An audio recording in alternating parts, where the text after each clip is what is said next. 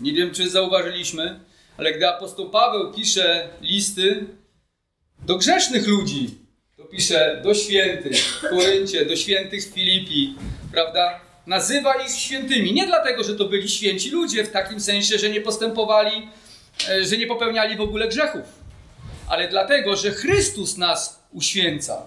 Przez wiarę w Jezusa wierzymy w Jezusa Chrystusa, On oczyszcza nas ze wszystkich grzechów. Ale jako wierzący wciąż mamy wyznawać grzechy Panu Jezusowi. Wciąż nie jesteśmy doskonali i wciąż nie dostaje nam do Bożych standardów sprawiedliwości. Czytamy w pierwszym liście Jana 1,9 Jeśli wyznajemy grzechy swoje, wierny jest Bóg i sprawiedliwy i odpuści nam grzechy i oczyści nas od wszelkiej nieprawości. Czyli pomimo naszego nawrócenia wciąż grzeszymy i wciąż mamy coś do wyznania Panu. Mamy się oczyszczać, mamy przychodzić przed, pod krzyż i wyznawać Panu nasze winy. Wiem, że chrześcijanie się starają. Wiem, że kochają Boga. Wiem, że nie chcą grzeszyć. Ale wiem również, że upadamy, zawodzimy i mogą nam się zdarzyć rzeczy, których się wstydzimy i chcielibyśmy, żeby nikt się o tym nie dowiedział albo nigdy się nie zdarzyły. Wtedy, gdy upadamy, targają nami wyrzuty sumienia. Wiemy, że jesteśmy winni. Również Bóg wie, że jesteśmy winni i zasługujemy na sąd. Ale jest dla nas rozwiązanie w tej sytuacji. Należy wyznać swoje grzechy Panu, okazać prawdziwą skruchę, ufać w to, że pomimo naszej grzeszności i naszych upadków mamy orędownika w niebie. A kto jest tym orędownikiem?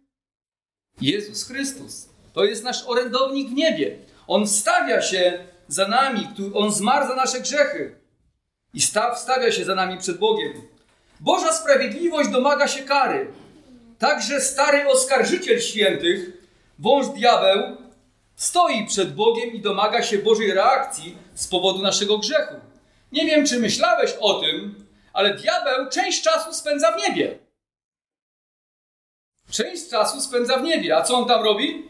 Oskarża wierzących przed Bogiem. Przychodzi przed Boga i mówi, jacy to jesteśmy kiepscy i jak bardzo nie zasługujemy na Bożą łaskę. To więc Boża sprawiedliwość przeciwko nam, diabeł jest przeciwko nam, ale mamy po swojej stronie kogo? Jezusa Chrystusa, który wstawia się za nami, jeśli w Niego wierzymy. W niebie dzieje się dokładnie to, co mówi list do Hebrajczyków.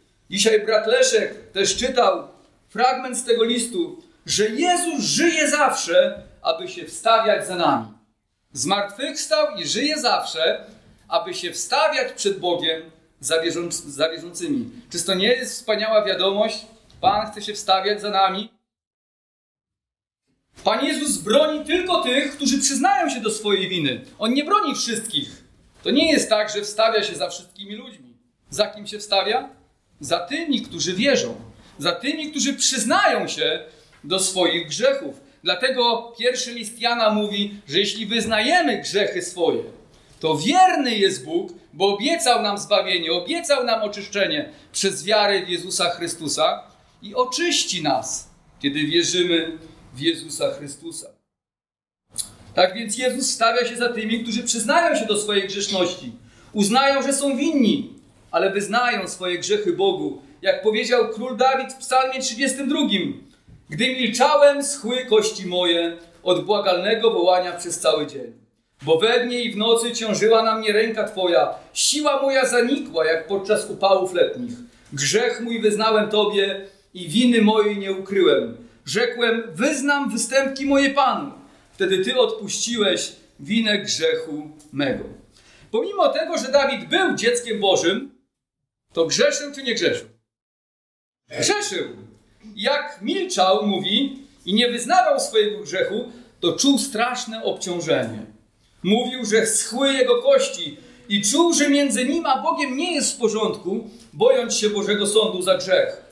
Poczucie winy, jakie mu towarzyszyło, wpływało również na jego zdrowie fizyczne. Wiedział, że musi się oczyścić przed Panem, by doświadczyć przebaczenia, pokoju i poczucia ulgi. Wiedział, że musi wyznać swój grzech, a jednak był jakiś opór w nim. Nie wiem dlaczego tak jest, ale w grzesznym człowieku jest jakiś opór, żeby wyznać przed Bogiem swój grzech. I Dawid również ten opór czuł. Gdy milczałem, schły kości moje. Z jednej strony wiedział, że powinien wyznać, ale z drugiej strony jego grzeszność nie pozwalała mu tego zrobić. Takie dwie natury w człowieku. Jedna z nas wzywa nas do tego, żeby przyjść do Boga, a druga odpycha nas od Niego. To więc chrześcijanie przyznają się do swoich grzechów. Nie tylko przyznali się kiedyś, ale wciąż się przyznają.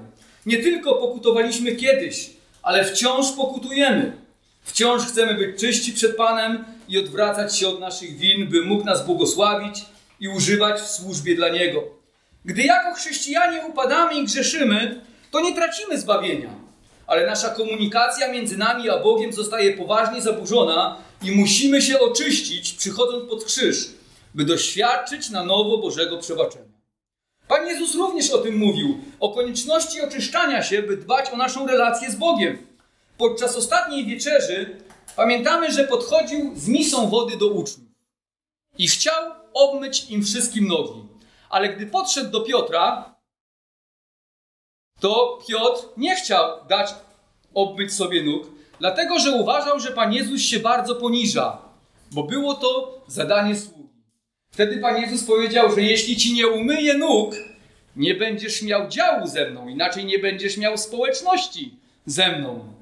Wtedy Piotr, nie rozumiejąc o co chodzi Panu Jezusowi, powiedział: Skoro tak, Panie Jezu, to najlepiej, żebyś mnie całego umył. Bo ja chciałbym mieć jak najwięcej społeczności z Tobą.